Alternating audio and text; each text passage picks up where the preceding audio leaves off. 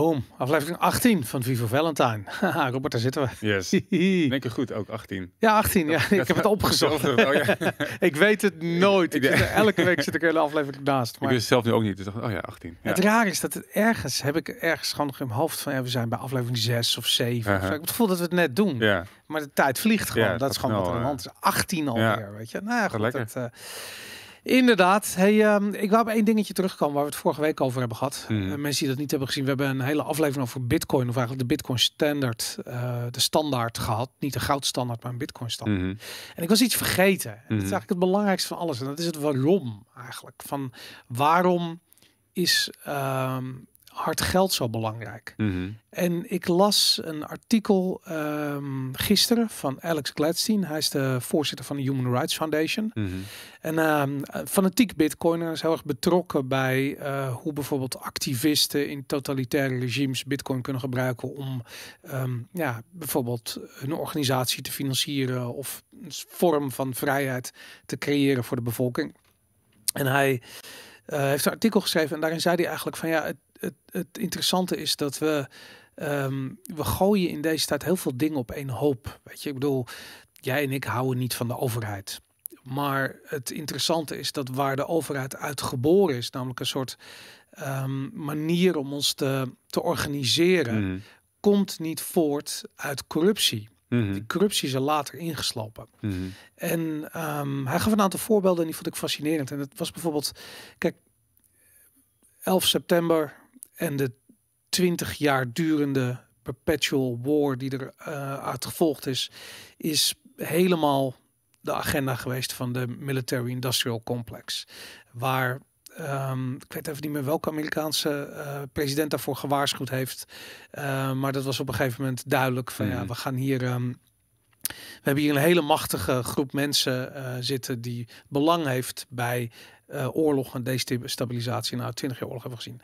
Nu eh, zitten we op dit ogenblik midden in een tussen aanhalingstekens gezondheidscrisis, waarbij Pfizer alleen al in vijf jaar tijd 100 miljard verdient. Dit is de farmaceutische industrial complex Mhm. wat we hier hebben, die gewoon de macht hebben begrepen en hun zakken op ongekende wijze aan het vullen zijn. Maar niet anders dan de eh, military industrial complex. Beetje Mhm. hetzelfde. Mhm. En wat hebben al die dingen nou met elkaar te maken? Is dat ze er zit een soort eh, eh, lijm tussen al die organisaties en dat is het geldsysteem, Mhm. de financial industrial complex. En dat is echt de, eh, de, de bron van het kwaad. Want dat is een groep mensen die kunnen in feite geld creëren. En waar jij en ik moeten werken eh, om geld bij elkaar te sparen eh, of naar een bank moeten gaan om geld te lenen. daar hoeft die bank alleen maar op een knop te drukken. Die hoeft Mhm. dat geld niet te creëren. Ze voegen niks toe aan de, aan de economie. Ze produceren niks. Ze creëren geld en geven het aan eh, of lenen het uit eh, aan, aan hun klanten, tussen aanhalingstekens. En die klanten moeten dat terugbetalen. Nou, Mhm. dat is een, het is een krankzinnig systeem. Eh, als je erover na gaat denken, dan is het alleen maar logisch dat dat de meest verschrikkelijke corruptie oplevert. En dat zien we dus ook in de praktijk. Weet je, want op het moment dat een land gedreven wordt door zo'n door en door corrupt systeem als geldcreatie, wat eigenlijk valsmunterij is in opdracht van de overheid. Ehm, ja, dan, dan trekt dat ook een bepaald soort mensen uit. Dat, dat trekt die. Volgens mij heeft. ehm, ik zou willen zeggen Joris Luijendijk, maar het was iemand anders. Die heeft een boek geschreven over eh, bankiers in, eh, in de London City. Ja, Joris Luijendijk. Was wel Joris Luijendijk, ja. Mhm. En eh, waar die eigenlijk ook de conclusie trekt van die mensen zijn allemaal op een bepaalde manier gewoon, het zijn psychopaten. Mhm. Het is letterlijk dat systeem wordt op psychopaten gerund. En dat is ook logisch, want als je iets hebt wat zo door en door corrupt is, dan trekt dat ook een bepaald soort mensen aan. Mhm. Nou goed, en die, die, die state of mind, die, die is, dat, dat is gewoon als een olievlek verspreid over die andere industrieën, zoals bijvoorbeeld die farmaceutische industrial complex. De, de, weet je, de, de oorlog kenden we al, Mhm. maar dat we dat nu dus zo krijgen. En ik denk dat we met z'n allen heel bang moeten wezen dat we zo meteen dit ook in Silicon Valley gaan zien. Mhm. Dezelfde mentaliteit Mhm. gaat daar doordringen. Dat zijn zogenaamde mensen die verstand hebben van, van, van financiën, van de manier waarop bedrijven gefinancierd moeten worden, hoe je naar de beurs gaat, hoe je dat optimaliseert. Nou goed, het is diezelfde, dat kankergezwel, dat, Mhm. gaat, dat gaat daarin zometeen. Dus Mhm. we hebben zometeen ook een soort van digitale totalitaire eh, eh, vorm van corporate fascism, Mhm. wat we hier gaan zien. En dat is denk ik al die dingen bij elkaar opgeteld. Dat is het alternatief daarvoor is Bitcoin. Mhm. Of tenminste in ieder geval hard geld. Maar Mhm. Bitcoin leent zich als geen ander goed voor hard geld. En dat, dus dat is een manier om dat probleem eigenlijk te omzeilen. En dat, eh, Mm. dat was ik vergeten te zeggen Mm. vorige week. Kleine side note. Kleine side note. Soms moet er even een kleine side note zijn. Ja, ik, ja, ik denk dat, dat eh, datgene wat inderdaad in al die industrieën gebeurt, eigenlijk hetzelfde wat ook bij de overheid gebeurt. Namelijk, het zijn mensen die uiteindelijk gewoon heel veel macht hebben vergaard op een bepaalde manier. Ja, En, en dan denken dat de regels niet voor hen gelden. Dat is ook wat Joris Luijendijk in het boek schreef over ehm, eh, die bankiers in de City of London. De mensen daar, nou het was eigenlijk tweeledig. Want de- aan de ene zijde worden er dus regels gemaakt. ja, En dat wordt dus het nieuwe, dat werd het nieuwe morele kompas van die bankiers. Dus nou ja, Mhm. zolang wij ons aan de regels van de overheid halen, dan is alles houden. Dan is alles wat wij doen is geoorloofd. Ja. Moreel kompas is de deur uit. En dat is wel, Ja. vind ik wel een interessant fenomeen, want dat gebeurt wel vaker bij wetgeving. En waarom ja, nog een argument tegen een centraal opgele- opgelegde wet is, omdat mensen dus dan dat als de morele waarheid gaan nemen. ja. In plaats van dat ze zelf gaan nadenken en bij hun gevoel nagaan van ja, dit, is, dit kan ik mijn medemens wel of niet aandoen. Ja. Dus ja, nee, maar eh, ja, Rutte heeft het gewoon, heeft dat gezegd dat dat niet mag, dus dat doe ik niet. En de rest ja. is gewoon eh, free game. ja en, en sterker nog, de regels gelden ook niet voor die mensen.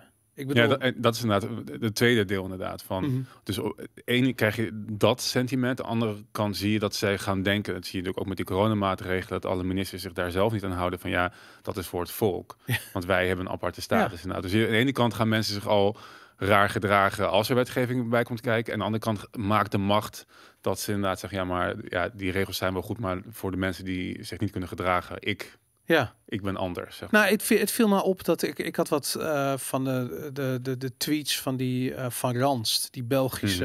Mhm. Ja. achteruit gezeten. Ja, inderdaad. Ja, die, die, die kerel. Die, ehm, eh, die was ook heel denigrerend over bijvoorbeeld die buitenparlementaire opsporingscommissie of onderzoekscommissie. Mhm. Ehm, in de zin van ja, jullie zijn bezig met tribunalen en jullie zijn een beetje met, met juristje aan het spelen, weet je, Zo- zo'n soort toon had Hmm. En het was opvallend, want ik heb echt zoiets van ja, waar haal je de, eh, ehm, waar haal je de, de, de, de, de, de argumenten vandaan om die moral high ground Mhm. eh, Mhm. te, te, te, te bewandelen, weet je, want dat doe je niet. Nee. Ik bedoel, je bent niet beter dan de rest. Je bent niet. Ehm, je hebt geen status apart gekregen. Je staat niet boven de wet. En toch gedragen al die mensen zich ernaar. Mhm. En, het, en ik moet je zeggen, hetzelfde met al die virologen die Ja, in Nederland hebben. Marion Koopmans is geen Kom maar. haar beter. Ja. Liegt gewoon op Twitter. Dat, het gelicht, dat, dat, dat doen ze allemaal. Dat is echt opvallend. Weet je, Ja. gewoon dingen die overduidelijk niet waar zijn. Bijvoorbeeld het feit dat het vaccin nog in een trial fase zit. Ze ontkent dat. Zegt nee, het is goedgekeurd. Mhm. Nee, het is niet goedgekeurd. Mhm. Het heeft een tijdelijke eh, eh, erkenning gekregen. Maar het zit in een, in een, in een fase waarin Mhm. nog geëvalueerd moet worden. Eh 2023 gaat het gebeuren. Of het veilig is. Het is niet veilig. Er zijn Mhm. volgens het, het LAREP 257 mensen gestorven. Mhm. Dan is het niet veilig. Dat is opvallend. Dat dan iemand zoals Marion Koopman zegt van ja, maar het is gewoon goedgekeurd. Ja. Vreemd, want het is niet waar. Nee, ja, je- maar je ziet ze, en daar hebben we het mij wel een keer eerder over gehad, je ziet ze gewoon steeds comfortabeler worden in die rol op televisie, in talkshows. En, en dat Ja. ze het middelpunt zijn van de aandacht. Ja, Waarbij de- voor mij het eerste bericht van Gommers nog was van ja, ik ben een soort van onder druk gezet door Hugo de Jonge om te zeggen dat we wel konden opschalen met IC-capaciteit. ja. En, soort, en dat was voor mij een Volkskrant artikel waar, waar die een beetje, ja, zeg maar, eh, toch zijn ongemak in uiten. En vervolgens nu is, is het paradepaardje van, eh, van, het hele, van alle coronamaatregelen. Ja. En eh, Gommers en, en, Koopmans hebben samen de, de Machiave- Machiavelli-prijs gewonnen. Ja, Dus zo van, eh, om, ja, eh, je kan bijna niet verzinnen gewoon dat, dat, je, dat, dat je dat gewoon nog, nog doet. Ja. omtrent hun communicatie over de coronamaatregelen en de crisis. Maar dat is niet anders dan die directrice van YouTube die de een of andere Freedom of Speech Award heeft gewonnen, die ze zelf sponsorde overigens. Ja. Want dat is natuurlijk het hele ding. Ik bedoel, Pfizer heeft, eh, ehm, hier, een, als je gewoon kijkt naar de businesskant ervan. Pfizer heeft een, uh, die, die hebben het wereldkampioenschap gewonnen, weet je, zoiets. Ik bedoel, mm -hmm. die uh, AstraZeneca wordt gezien als een vaccin waar je bloedproppen van krijgt. Mm -hmm. de helft daarvan is, volgens mij is daar ook al het een en ander over uitgelekt, zijn Pfizer PR-campagnes geweest om mm. de concurrenten uit te schakelen. Nou ja, goed, het, het, Pfizer is overal nu heer en meester. Mhm. Die, die, die, die, ja, weet je, ik bedoel, Nederland had nog die contract gesloten met AstraZeneca, maar volgens mij gaan die vaccins direct door naar, weet ik veel wat voor derde wereldland, om, om daar maar op te dumpen als het Mhm. niet eh, direct wordt weggeflikkerd. Want het is waardeloos geworden. En dat, dat is gewoon allemaal PR. Ik bedoel, die vaccins zijn allemaal kut. Mhm. Je? Ik bedoel, het is gewoon, als je dat neemt, neem je een groot risico met, Mhm. een, met dit medisch experiment. Ja. En dan, ehm, ja, dan heb je eh, zo'n bedrijf wat daar 100 miljard aan verdient. Hè. Ik wil niet omzet, gewoon pure winst. Mhm. Vijf jaar. Citibank heeft dat, eh, of was het Goldman Sachs die dat eh, uitgerekend hebben. Eh, dat is echt ongekend. Mhm. Weet je, dat in, ja, het is echt Ja, ongekend. en, en dat is natuurlijk, de farmaceutische industrie is daar koploper in. Die hebben altijd al hele go- innige banden gehad met de overheid. En ze Ja. hebben ook als bedrijfs, ehm, of als branche, zeg maar, ook de ho- hoogste marge op hun, ehm, op hun winst, op hun omzet. ja, Eh, ja, dat komt echt eh, door, de, nou ja, door, door hoe zij lobbyen bij de overheid, de bescherming die ze krijgen natuurlijk op, eh, op de dingen die zij bedenken. En ja. ja, en nou ja, dat is nu in deze coronacrisis in overdrive gegaan. En ja, het, het mag niet boeien dat eh Pfizer miljarden heeft moeten betalen aan adverse effects van hun medicijnen, hun, hun Ja. vaccins in eerdere eh, instanties. Maar ook de, hun, de, hun werkwijze. Want ze hebben Ja. 2,3 Mhm. miljard boete gekregen. Mhm, ja. Om wat, ze, wat ze aan het doen waren, was dat ze eh, medicijnen die ze al hadden liggen, eh, hebben lopen pitchen voor ziektes waar ze niet per se voor werkten. Maar Mhm, gewoon om het maar er doorheen te drukken. Nou, ik bedoel, hoe is dat anders dan, een, dan, dan de- dit, dit mRNA-vaccin wat ze hebben? Eh, waarbij ook de eh, eh, hoe noem je het, effectiviteit inmiddels al naar, naar 63% naar beneden is bijgeschroefd, want de Delta-variant. Nee Mhm. man, die shit heeft gewoon nooit goed gewerkt. En ze zijn gewoon 100 miljard aan het, het snake oil. Dat is wat het is. Dat, dat blijft ook een mooi. Ik vind dat, dat las ik ook ehm, over die Delta variant natuurlijk die nu opkomst is in Israël. En Ja. daar was een artikel ergens en daar stond ehm, eh, Delta variant beukt door de Pfizer barrière heen of zo, weet je wel. Zo, je ziet nu alweer de berichting ontstaan van jongens, dat vaccin wat jullie gehad hebben, Ja. ja, sorry, it's not gonna Ja. work anymore. Beukt er doorheen. Ja. Zo gewelddadig, dodelijk. je moet een nieuwe halen. Ja, het blijft, ik, vind, ik blijf het fascinerend vinden, de, de communicatie in dit hele gebeuren. Natuurlijk al Ja. vaak over gehad. En ik denk ook dat we vaker over moeten hebben, omdat het gewoon. Het is zo. Het begint, voor mij begint het steeds meer obvious te worden. En ik hoop dat iedereen had gezien dat er gewoon. dat het allemaal met propaganda te maken heeft. En ik zag gisteren ook een, ehm een van onbekend account die scrollde door Twitter heen en die liet zien wat voor een berichtgeving er was over mask mandates in het Engels. Het Engels Ja. bericht een soort van een promo voor sterkere maatregelen, want er waren meer varianten, het gevaar dreigt, de overheid doet niet genoeg. Zeg maar dat zie je ook Ja. wel vaak in de media terugkomen van hoe, is Hugo de Jonge wel goed bezig door nu te versoepelen. Ja, Andere landen die, die gaan juist meer in lockdown. En ja. die, die hetsen, zeg maar, vanuit de media, maar ook vooral, het lijkt echt countless of bots die echt exact dezelfde tweet de wereld in sturen Ja. over dat soort dingen. Ja, ja, ja. Nou, ik, ik, ik, ik, ik, ik heb gewoon het idee, dat- maar misschien zie ik ze ook vliegen hoor. Maar ik bedoel, eh, daar word ik vaak genoeg van beschuldigd. Maar ik heb het idee op Twitter dat eh, als ik soms dingen plaats, dan krijg ik reacties van mensen die eh, twee volgers hebben, drie tweets geplaatst hebben, waarvan er twee over voetbal en eentje over Mhm. de Formule 1. Eh, ze hebben een naam met nulletjes en eentjes erachter. lijkt volkomen random gegenereerd. En die, die, die hebben dan één keer reageren ze op mij en zeggen ze, nou Boris, ben je wel helemaal lekker. Weet je, wanneer ga je eens nadenken? Of zo. Alleen maar zoiets, klaar, weet je. En aha. dan, eh dat was, en dan heb ik echt zoiets van, ja, dit is toch niet serieus iemand die op Twitter Mhm. zit, Mhm. weet je. Dit is gewoon, ja, ik, het kan natuurlijk, weet je. Ik, bedoel, Ja, ja. ik, heb, ik heb volgens mij je oom beschuldigd dat hij een bot was, maar... Eh, maar ja, zo, zo, er dat- zijn ook heel veel NPC's inderdaad. Ja, Eh, daarom, ja. mensen die echt niet nadenken en dan gewoon maar alle, alles de wereld in. eh, Het is toch erg als je niet het verschil ziet tussen een bot en, en een echt persoon en dat. Hey, maar nog eventjes over die rol van media als, als, als corporate propaganda Mhm. outlet. hè? Want dat is, ehm, als je kijkt wat Pfizer, ehm, ik hoop eigenlijk dat we eh, meer uh, onderzoeksjournalisten gaan zien die, die de Pfizer-cijfers gaan uitpluizen. Mhm. Uh, ook om, om uh, erachter te komen wat ze uitgeven aan marketingbudget. Nou weten we dat heel veel loopt via andere organisaties. Een goed voorbeeld was Bill en Melinda Gates Foundation, die 50 miljoen hebben betaald aan de BBC. en dat viel heel mooi samen met hun soort van corona coverage in het begin van de pandemie.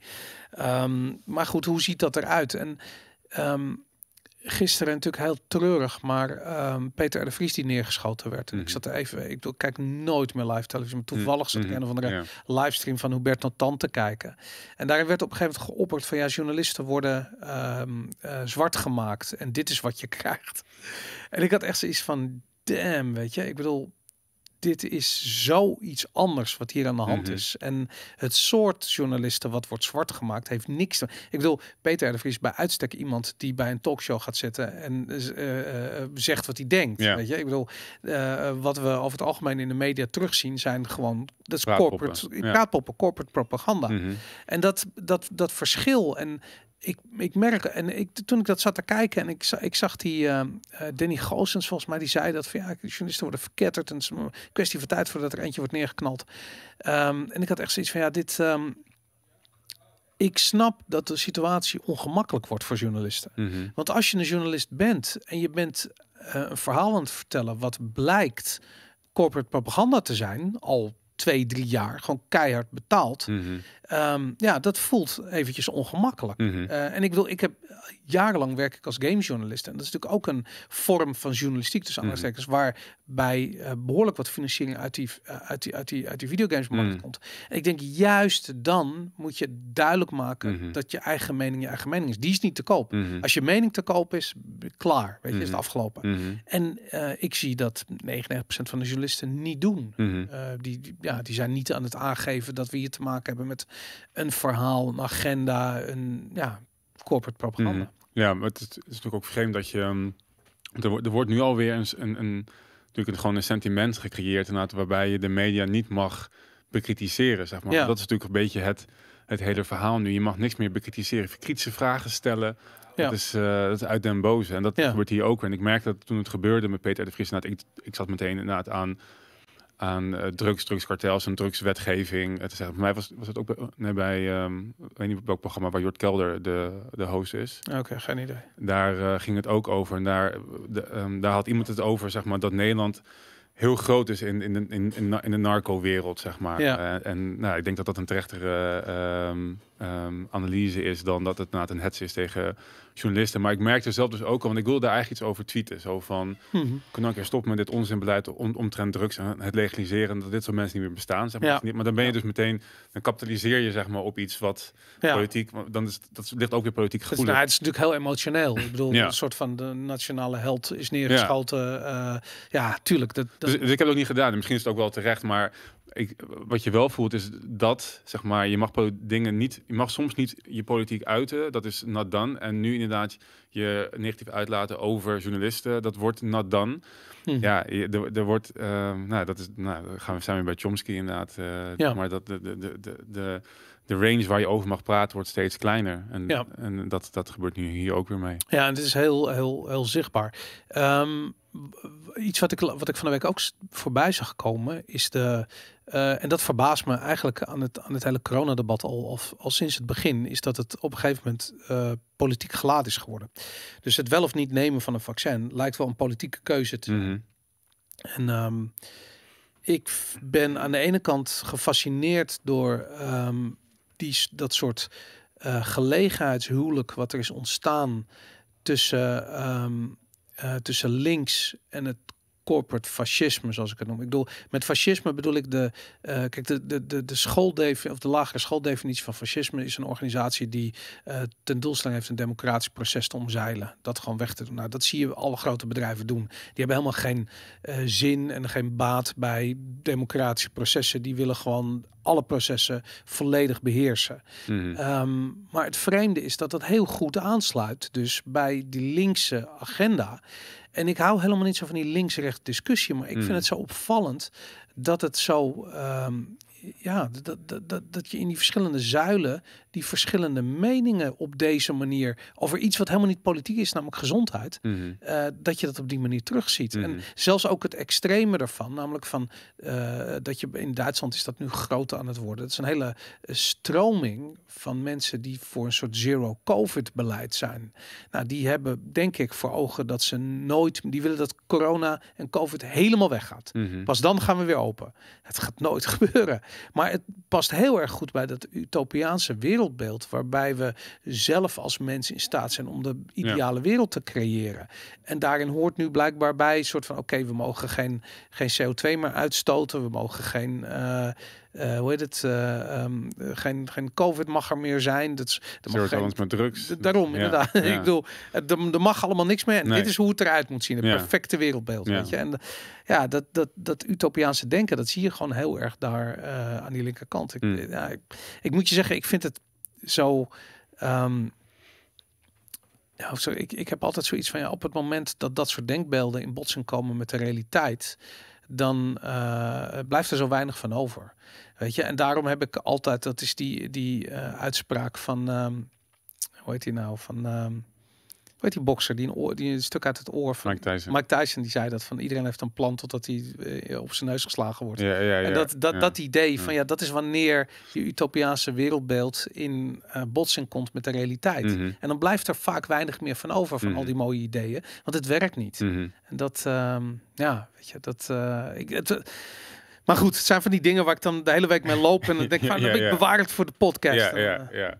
Ja, ik denk, ik, het is ook wel passend, eh, want we hebben natuurlijk heel vaak over inderdaad de psychologie en de propaganda die gaande is. eh, en ehm, over wat er nou gebeurt achter hetgene wat je ziet, achter de corporate media, ja, complotten. ja, Ehm, dus ik dacht ook, ja, volgens mij is het ook wel een, een, een, een goed onderwerp om daar wat gewoon eens een keer echt goed vast te pakken. Helemaal Ja. omdat het zo'n soort van non-onderwerp is en je mag er niet over praten. Je bent meteen gek. ja, Eh, ik dacht, het is voor mij leuk om, om een beetje de geschiedenis in te gaan van wat, wat waren nou complotten in het verleden Oh ja, ja, zeker. Ja, en welke complotten Ja. bleken waar te zijn. ja.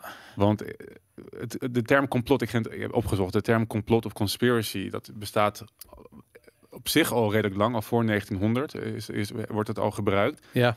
Maar het werd pas populair ehm, zo'n beetje vanaf 1964. Oké. En in 1964, wat gebeurde toen? Dat was het jaar dat ehm, eh, John F. Kennedy is doodgeschoten. Ja.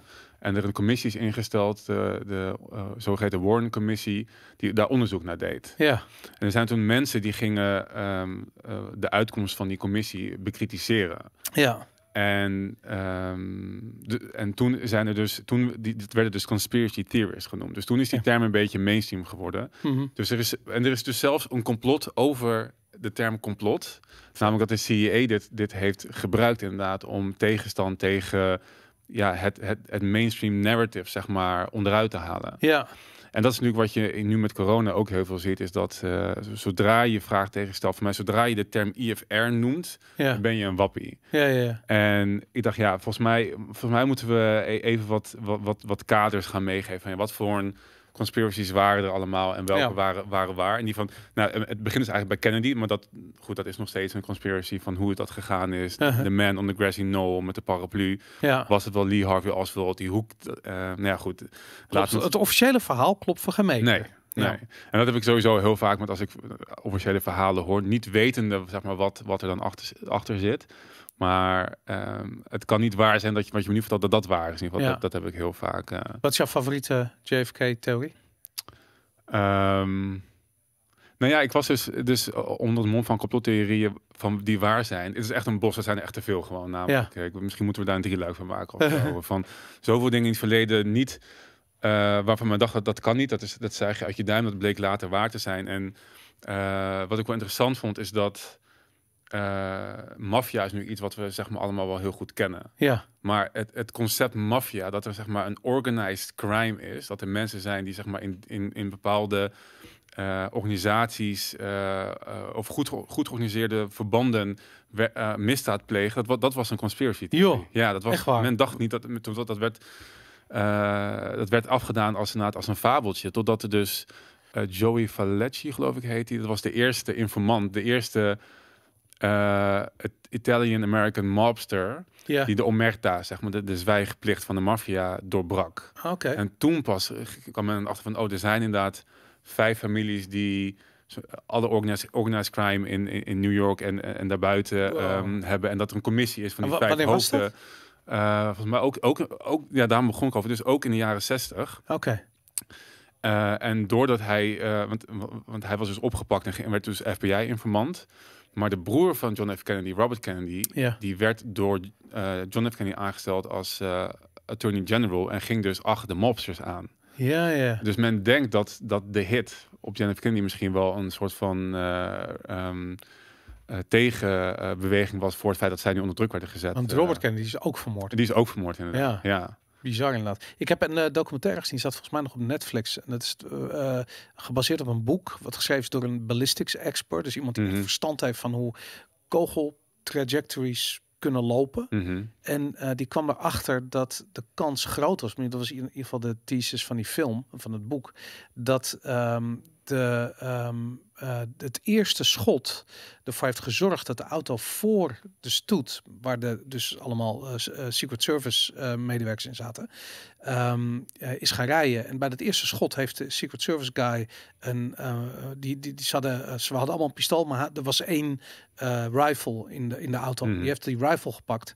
De auto ging rijden en dus hij viel achterover in zijn stoel en het wapen ging af.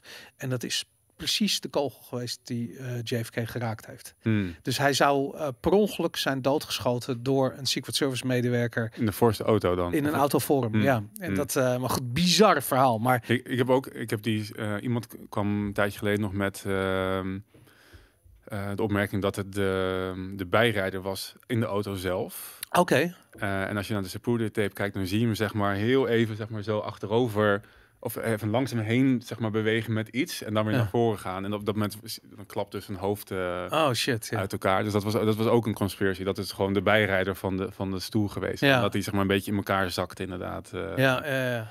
Oh shit. ja. Nou Maar- goed, eh, ehm, ja. Maar, maar dat, dat is dus, nou, dat is nog steeds een conspiracy. Ja. al- als in dat is.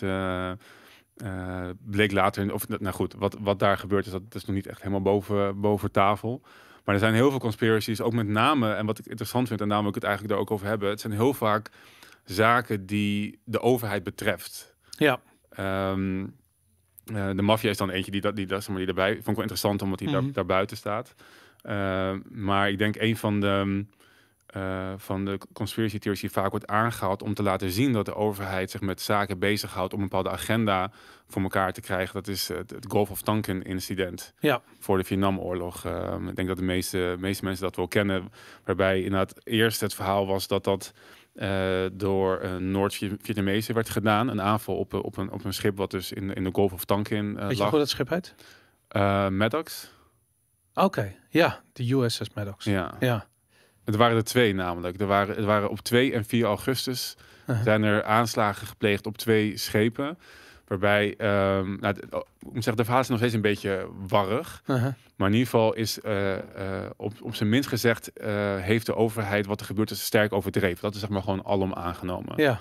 Ehm, dat is ook nog een verhaal van een, een, een Noord-Vietnamese commandant die zei...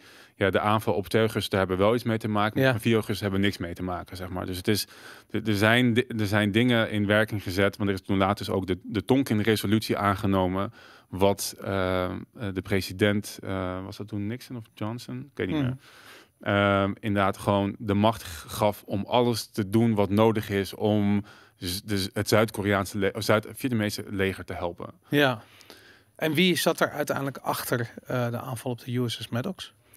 Ja, ik weet dus niet. Volgens die, die Noord-Vietnamees was er dus wa- was er wel iets aan de hand. Ehm, maar hebben ze het gewoon zeg maar overdreven eh, en was die tweede aanval niet gedaan. Wie er dan wel gedaan heeft, dat weet ik niet. Oké. eh, Oké. zo ben ik me niet gegaan. Ik ben echt verdwaald in hoeveel zeg maar dingen er uiteindelijk waar bleken te zijn. Als je daar op googelt, dan vind je zoveel. eh, Ja. Maar het is denk ik een, een, een ehm, interessante, want het is ook een patroon. Ook uiteraard, ehm, als je praat over de military industrial complex ja. en hun macht en nou, oorlog is hun verdienmodel. Dus als je dat voor elkaar krijgt, dan verdien je geld. En dat Ja. zie je denk ik veel vaker. Ehm, ehm, het, het, het- twee gevallen ook met de Irak, tweede bij de Irak-oorlog is het ook gebeurd. In eerste instantie met een verhaal van een dame die zei dat, uh, dat het in Irak zo was dat uh, soldaten baby's uit couveuses haalden en op de grond gooiden om gewoon in Kuwait, ja, in, ja. Kuwait, ja, ja. Om, om te. Um... Maar is dat een conspiratie? Is dat gewoon propaganda? Dat is gewoon oorlogspropaganda. Dat is nou nee, nooit gebeurd. Dat... Nee, maar toen dacht men van wel natuurlijk. Ja. En dat is natuurlijk het hele verhaal van er zijn heel veel dingen gaande wat inderdaad gewoon propaganda is. Ja. En dat mensen nu gaan zeggen uh, dat is propaganda, dat is niet zo. En dan word je een complotdenker genoemd. Ja. En dat is dus in de geschiedenis terugkijkend is inderdaad propaganda, maar destijds was het gewoon een complot. Ja, ja, ja. En uh, dus het later bleek dat, dat, die, dat meisje dat zei dat het dochter van de ambassadeur was van, uh, van, van Irak. Ja. Um, en hetzelfde gaat met de Weapons of Mass Destruction. Mm -hmm. uh, hij is laatst overleden trouwens. Uh, Rumsfeld. Rumsfeld, Ja. inderdaad. Ja. zonder ooit terechtgesteld te zijn. Um, maar dat bleek ook... Daar zijn ook films spaarzaam. Maar er zijn ook documentaires over gemaakt... dat het hele verhaal gewoon opgeblazen is... om die oorlog te kunnen beginnen. Ja, nou kijk, die weapons of mass destruction waren er gewoon niet. Nee. Weet je, en dat is het interessante dat Balken in de tijd eh, overtuigd tussen aanhalingstekens is door, eh, door Bush. Het, het werd hem een soort van gepresenteerd en het was, het was niet eens Bush volgens mij die het, die het deed. Misschien wel Rumsfeld eigenlijk, weet Mhm. niet. Maar er was achter gesloten deuren werd dan bewijs geleverd voor de weapons of mass destruction. En Nederland kwam naar buiten en het was zo van ja, nee, we zijn overtuigd. Weet je, Ja. er, er was geen bewijs, er is geen over. Ze hebben gewoon, ze zijn gewoon, ze hebben gewoon daar besloten Mhm. om in de pas te gaan lopen. En dat, eh, ja, dat, dat, dat- die weapons of mass destruction vind ik een hele goede. Die zijn nooit aangetroffen. Mhm. En dat was dan inderdaad. Ik bedoel, er was geen enkele reden om Irak binnen te vallen. Het had niets met 11 september te maken. Kun je nog afvragen of 11 september niet gewoon volledig in scène is gezet. Mhm. Maar goed, dat, dat, dat bewijs is nog niet helemaal 100% geleverd. Er is wel nu bewijs voor dat het in ieder geval niet eh, building nummer 7 niet door brand eh, of door brokstukken van het vliegtuig is ja, is ingestort. dat nu officieel? Ja, er is een onderzoek die Universiteit van Fairbanks, volgens mij, of ja, dacht het in, in Alaska. Ehm, eh, nou goed, die hebben daar onderzoek naar gedaan. Die hebben dat, die kunnen eigenlijk maar op één manier het instorten van het gebouw reconstrueren. En dat is als je het opblaast. Mhm. En dat, ehm, maar ja, goed, ja, dan, dan moet je daar dus nog een smoking gun voor vinden. Ja. En dan moet je daar nog een, een, een, alibi of weet ik van een reden waarom mensen dat gedaan hebben zoeken. Maar in ieder geval het officiële verhaal klopt gewoon Hmm. niet. Ik vind dat wel een van de meest fascinerende complottheorieën. Het is ook een beetje mijn ehm, wake-up call geweest. In de zin van op twee manieren. Eén ben ik daardoor politiek actief geworden. Omdat ik dacht van er gebeuren gewoon dingen Ja. om mij heen waar ik geen weet van heb. Die wel invloed op mijn leven hebben. Ja, Eh, direct of indirect. Eh, maar ook omdat ik daar voor het eerst ging twijfelen aan het officiële verhaal. ja, Want ik weet nog, eh, ik weet dat ik naar zelf aan het kijken was en dacht van, huh, van is, is, hebben ze het neergehaald? Dat was Ja. toen ik live keek. Ik heb dat live, ik kwam van mij van toen nog van school thuis.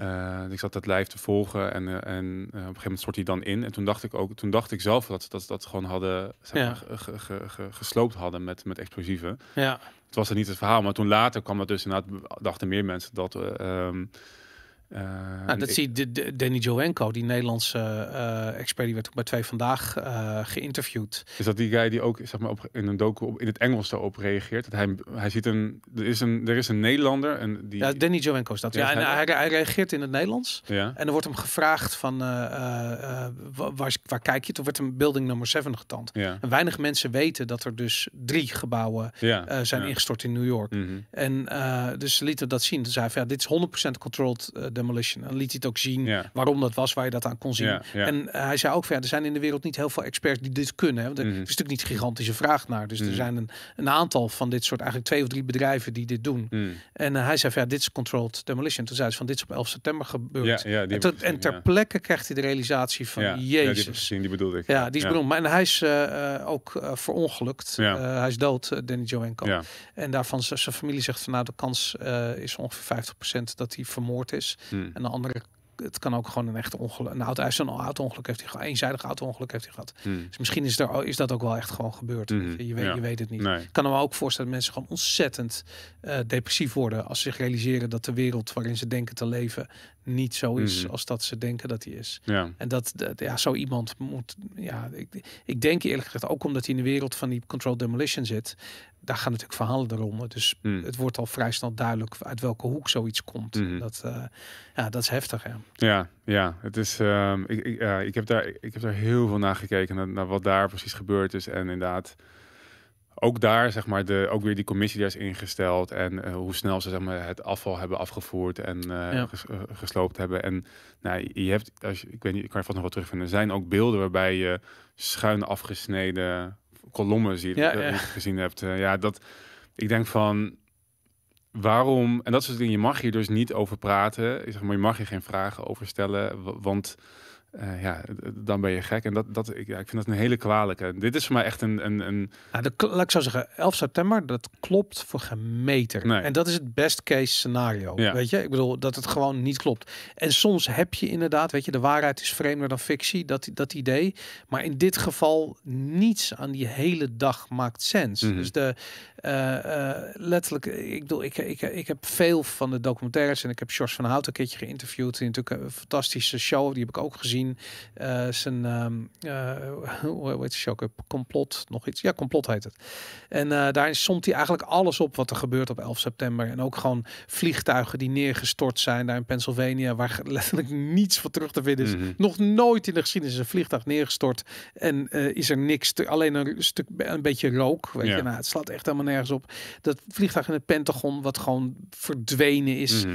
Overigens ligt er wel een motor die erg doet denken aan wat je in een cruise missile zou aantreffen. Mm. Dus, uh, nou goed, er klopt helemaal geen fuck van. Nee. En dat, uh, dat wil niet zeggen dat het uh, allemaal een compleet, complot is en doorgestoken kaart is.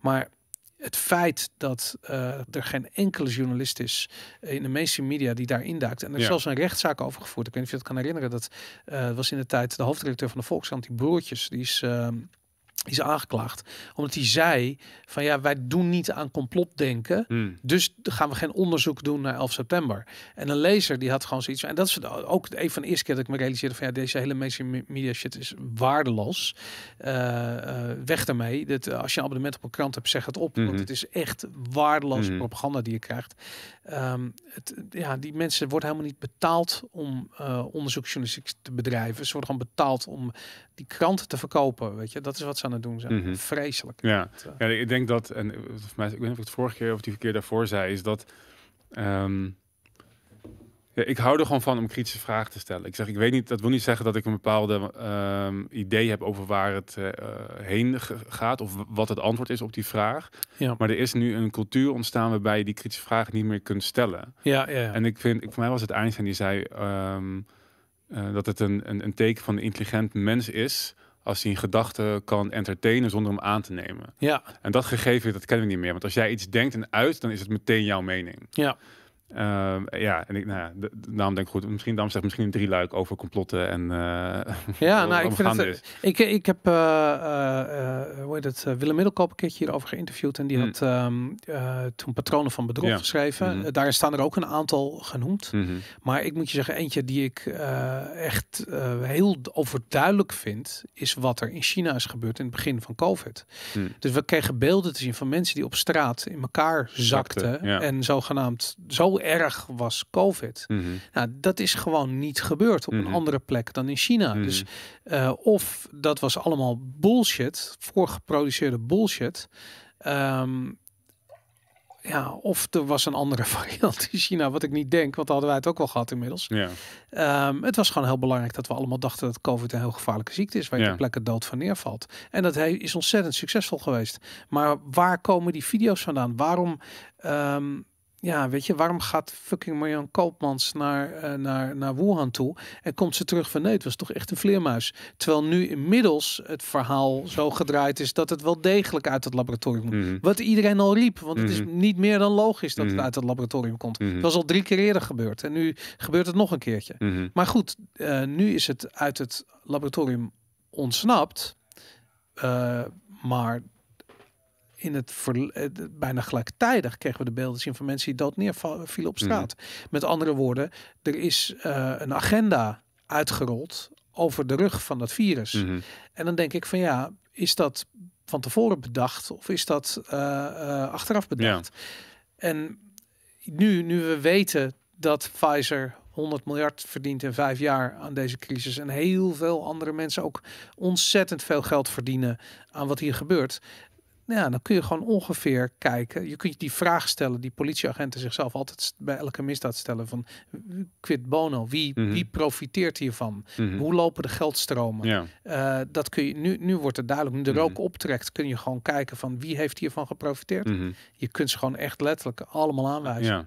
ja, ik denk, eh, de vraag is inderdaad, hoe ver reikt dit? Dat is ook wel vaak, eh, waar ik zelf met vrienden over discussieer van, ehm, heel vaak denken mensen bij complotten aan van, er is zeg maar, er is één organisatie die een bepaalde Mhm. depopulatieagenda over ons uitrollen of iets in die richting. En ja.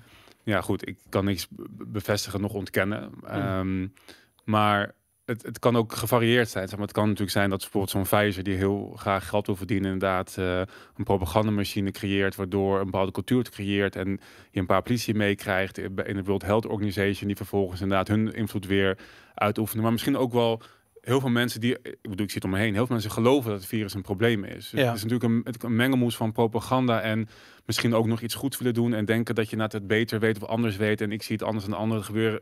Ik weet het niet. Dus, maar de, de Mhm. psychologie hierachter is, is heel fascinerend en dat moeten we eigenlijk ontleden om, om, om te zien wat er, wat er ehm, wat er gaande is. En ik kan me indenken, bijvoorbeeld in Nederland heb je ook foto-ops gehad van eh, ambulancepersoneel in witte pakken, inderdaad. eh, ja, ja, ja, ja. die dan- op het Leidsplein. ja, die dan voor een van de COVID-artikel. Maar zij, ik weet zeker dat zij die bezig zijn met van ja, ik ga nu even Pfizer aan meer geld helpen. Of Ja. eh, ik ben bezig met de wereld aan het uitroeien. Nee, ik geloof dat zij denken van oh ja, laat, Uh-huh.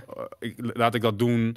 Of, of, ze, of ze durven geen kritische vragen te stellen, want dan ben jij dom, zeg maar. Ja. Dat, dat fenomeen, dus ook wat ik zeg, omdat er ook een hetze is tegen kritische vragen stellen. Mhm. Dus ik denk dat er, dat er heel veel. Ik denk ook, nou ja, even, eh, los de, naar een vinger te wijzen van, van wie dat zijn, maar er zijn denk ik ook heel veel useful idiots. Er, er zijn heel veel useful idiots, absoluut. dat, is, eh, dat, is, dat is absoluut duidelijk. Dat, eh, dat, dat, dat, ja. En, en daar, en daar wordt gebruik van gemaakt. En daar Pfizer maakt daar gebruik van. En misschien dat op een ander niveau. Dat, dat ehm, nou, ik vind WHO nog steeds. Inderdaad, als je praat over geldstromen. Het feit dat, dat eh, vaccinorganisaties daar eh, de grote sponsoren zijn. En daar wordt er geen vraag over gesteld. Dat, vind ik, dat blijft ook bizar. Dus er gebeuren gewoon dingen die je niet inderdaad in de corporate media eh, vindt. Die niet door de beugel kunnen. ja. En of dat inderdaad, ehm, op welk niveau dat zeg maar is, op welk niveau wordt er, wordt er uh, geconspired. ja. Ehm, ja, dat weet ik niet. Maar de- in ieder geval is het na het verhaal wat we eh, gevoerd krijgen, dat klopt niet. Nee. Nou ja, het is. ehm, eh, eh, ik, wat mij opvalt is dat eigenlijk in veel opzichten de hele COVID-situatie een kopie is van de Mexicaanse griep in de Mhm. tijd. Mhm. Eh, Daan de Wit, onderzoeksjournalist, heeft daar een boek over geschreven over, over de Mexicaanse griep. Wat eh, serieus, de, ik bedoel, het boek is tien jaar oud, maar het is ontzettend actueel als je het nu weer doorleest. Ehm, hij heeft zich heel erg verdiept in wat er aan de hand is. En het interessante is dat je waarom Mexicaanse griep eigenlijk mislukt is. Want dat was dezelfde push vanuit de farmaceutische industrie om vaccins en weet ik veel. En het, het is er gewoon niet helemaal doorheen gekomen, omdat de politieke wil er niet was Mhm. om het op te pakken. Mhm. Uh, en ik denk eerlijk gezegd van ja, er is iets veranderd. Mhm. En dat is namelijk dat de uh, uh, farmaceutische uh, industrie is gaan kijken naar die politiek en gewoon dit beter voorbereid heeft. En eigenlijk een case gebouwd heeft van luister, je kunt dit gebruiken. En ze hebben een medestander gevonden in het financiële industrial complex. En dat is namelijk dat het probleem is dat de euro op zijn eind is gelopen. Eigenlijk alle fiat currency loopt Mm. op zijn eind. Mhm. We zijn aan het einde gekomen van een 50 jaar durend experiment. Mhm. Waarbij we de uh, harde geldstandaard, eigenlijk goudstandaard, definitief hebben losgelaten. Um, in principe uh, currencies overleven dat niet. Niet zo eventjes wel, maar niet 100 jaar bijvoorbeeld, niet 50 jaar. Nou, inmiddels zijn we um, zover in dat experiment dat we te maken krijgen met, uh, uh, ja, met gebrek aan vertrouwen in die currency, de inflatie slash hyperinflatie die erbij hoort.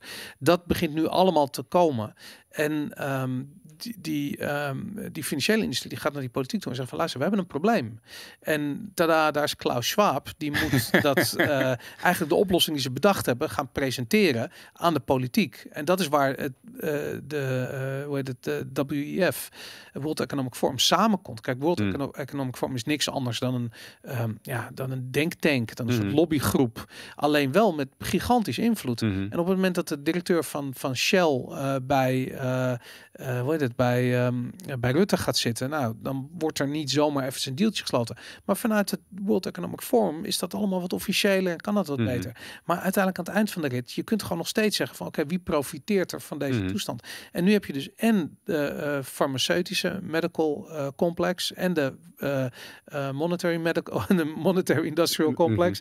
En de- het komt gewoon samen. En die politiek die heeft gewoon zoiets van ja, wacht eventjes. Wij kunnen, en dat zie je gewoon letterlijk bij de Ruttes en de, eh, en de, de jongen, die, dat soort figuren. Beetje die narcistische, Mhm. psychopathische, waar we het over hadden, eh over wat Joris, Joris Luijendijk omschrijft. Dat soort figuren, die zien mogelijkheden in dit soort situaties. Dus Mhm. uiteindelijk, iedereen vult zijn zakken. En eh, ja, wij worden met z'n allen, wij zijn er de dupe Mm. van, omdat we ja, niet kunnen meedoen met de, de, de miljoenen eh, die rondgepompt Mhm. worden. En ja, dat betekent dat het is gewoon ons belastinggeld Mhm. en ons spaargeld dat verdampt. En ja, het is, het is vreselijk. Ja. Ik heb nog een andere uh, Ja? conspiracy theorie Mhm. en die vind ik heel interessant. En het is niet zozeer een conspiracy, het is iets wat een aantal jaar geleden de ronde eh, deed. En ik weet of je de website kent, deagle.com.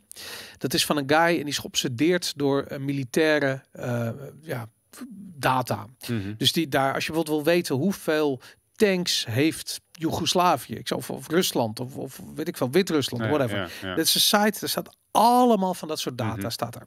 Maar die site heeft ook eh, eh, een aantal ehm, prognoses. En eh, ook bijvoorbeeld een prognose over inwoneraantal.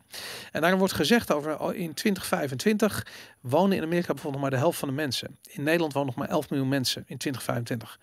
Nou Hmm. goed, dit is een paar jaar terug dat, dit, eh, eh, eh, dat die site voorbij kwam. Inderdaad, Mhm. iets van, the fuck is dit? Weet je, waar, waar gaat dit over? Weet je, hoe dan dat er in Nederland 11 miljoen mensen zouden wonen? En recent zag ik die site weer voorbij komen. Dat mensen zoiets hebben van, wacht eens eventjes. Wat als ehm, dit niet een, eh, eh, een prognose was die gebaseerd is op eh, militair conflict. Mhm. Maar een prognose die is gebaseerd op iets anders. Namelijk bijvoorbeeld een uitbraak van een dodelijk virus. Of misschien wel een vaccinatiecampagne. Of Mm. misschien wel een combinatie van de twee. Of misschien wel. En dat dat, die cijfers, met andere woorden, ze, iemand heeft een prognose gemaakt. ehm, en in 2017 of 2018. Met een, eh, eh, met, met, met, met een wereldbevolking per land in 2025 die radicaal lager is. Op basis van wat voor soort Mm. data doe je Mhm. dat? Hoe doe je dat? Waar komt die data vandaan? Ja, maar die site, ik ken die site niet. Ik ken wel dat soort gelijke sites, nou, die soort van de, de vuurkracht per land inderdaad in beeld brengen. Wat, wat voor een apparatuur ze hebben inderdaad. eh, Ja. ehm, maar ja, hun bron lijkt mij overheids, eh, de overheid, zeg maar, de, de, de- het, leger, dat die bepaalde scenario's, prognoses, eh, eh, dat hij dat, neem aan dat hij- daar vandaan haalt. Hij zegt daar zelf niks over. Hmm. Ehm, ehm, nee, hij zegt wel dat er verschillende bronnen zijn voor dit soort informatie. En natuurlijk zijn er ook gewoon landen heel openlijk over wat voor militair apparaat ze hebben. Mhm. eh, eh, en, en willen dat wel delen. Maar dit, eh, die, die, die bevolkingsaantallen zijn heel vreemd. Mhm. En zeker als je dat niet. Kijk, als je, als je een scenario schetst van oké, we gaan een derde wereldoorlog in zo meteen. Dit is wat de gevolg. Dan dat is de context waarbinnen die data misschien sens maakt. Misschien je Mhm. een soort model gebouwd waar dat uit voorkomt. Mhm. Ehm, maar dat wordt allemaal niet. Die context wordt allemaal weggelaten. Waarom? Hmm. Die context is confidential. Mhm. Die context wordt niet, en zeker niet in 2018, bekendgemaakt. Mhm. Dus ja, er, als die data klopt, dan heeft iemand een model gemaakt op basis van ehm, ja, een gebeurtenis. En we weten niet wat het is. Of we zitten er middenin, Mhm. of misschien is het iets totaal anders. Mhm. Of misschien verwachten ze dat er een meteorietinslag komt. Niemand weet het. Mhm. Maar het is opvallend dat iemand een model gemaakt heeft Mhm. op basis van geheime gegevens. En Ja. ja, dan wil je weten wat is dat voor data. Ja, dat doet me denken aan eh, Martin Armstrong van Armstrong Economics, die natuurlijk ook een, eh, een, I- Uh. een eh, AI-algoritme heeft gebouwd, die wat voorspellingen doet op basis van monetaire data. Ehm, en nou, voor degenen die dat niet gezien hebben, nou, dus Armstrong die heeft een eh, die heeft onderzoek gedaan naar eigenlijk alle monetaire ehm, eenheden die we gehad hebben, zo'n beetje die, die hij kon vinden. Ja. Bibliotheken en weet ik veel waar allemaal gezocht. En eh, daar eh, voorspelling op, op is Mhm. gaan maken. En, en je ziet dus dat na het, na het verval van een munt en dergelijke, dat heeft ook maatschappelijke eh, effecten. En hij zag in één keer, hij heeft voor mij de eerste keer dat hij, dat hij d- dacht van, hé, hey, ik kan meer dan alleen maar financiële markten voorspellen, is toen hij, eh, ik weet niet meer welk land, advies gaf van, hey, over, over acht dagen heb je een probleem met jouw munt. Ik, ik zie aan Ja. mijn data dat jouw munt gaat, eh, gaat klappen. Ja. En dat land had helemaal geen interesse in die informatie. Ze, wilden, ze vroegen gewoon door over, over andere dingen. En toen, acht dagen later, viel dat land een ander land binnen. En toen dacht je van, hé, hey, er gebeuren hier dus meer dingen dan alleen maar eh, analyse van de financiële markt. En ik Ja, heb wel, eerder een aantal voorspellingen van hem gedaan, maar in hem zit gaat ook, in zijn model gaat ook heel veel gebeuren in de komende tien jaar. ja, Ehm, waarbij eh, het voor mij over tien jaar zeg maar het hoogtepunt is. ja. En voor mij ook in 2025 ook een bepaald conflict of iets in die richting. Hij voorspelt voor mij wel een oorlog, zeg maar, ergens in de komende tien jaar. ja. Ehm, dus ja, ik weet niet. Ik weet niet. Ik, eh, ik vind het. Ik moest meteen aan denken. Ik weet niet wat het betekent, maar ik, ik hoor een gelijke ehm, voorspelling als wat, wat zijn model Ja. op zijn website vaak wordt, eh, Ja. verteld. Nou, die, die, die, die, die, die zogenaamde vierde wende, die fourth turning, dat zie je bij veel economen nemen dat over. Dat is dat boek wat geschreven, volgens mij Rees Mogg, eh, of misschien had ik die twee, twee schrijvers door elkaar, twee boeken door elkaar. Maar die, ehm, eh, dat verhaal dat, dat eh, dingen cyclisch zijn. Mhm. En dat we eigenlijk in de, dezelfde fase zitten Ja. waar we in de jaren 30 eh, Mm. van de vorige eeuw in Mhm. zaten. En dat, ehm dat grofweg elke 80 jaar zich dat herhaalt.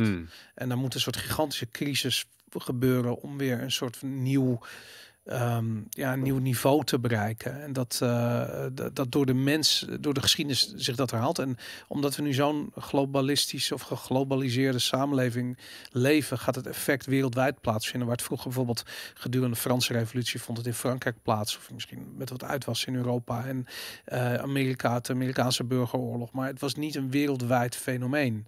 En nu zie je dat dat eigenlijk dat die, ont die sociale ontwikkelingen zijn gelijk getrokken over de hele wereld. En Mhm. daar komen allemaal van ideeën vandaan van, van, van eh, slechte tijden creëren harde mensen, harde mensen creëren eh, eh, goede tijden, goede tijden creëren zwakke mensen, zwakke mensen creëren slechte tijden. Mhm. Dus dat cirkeltje dat ongeveer 80 jaar duurt, daarin zitten we nu in het laatste, ehm, in de laatste fase. Mm. We zitten nu in de periode van slechte tijden gecreëerd door zwakke mensen.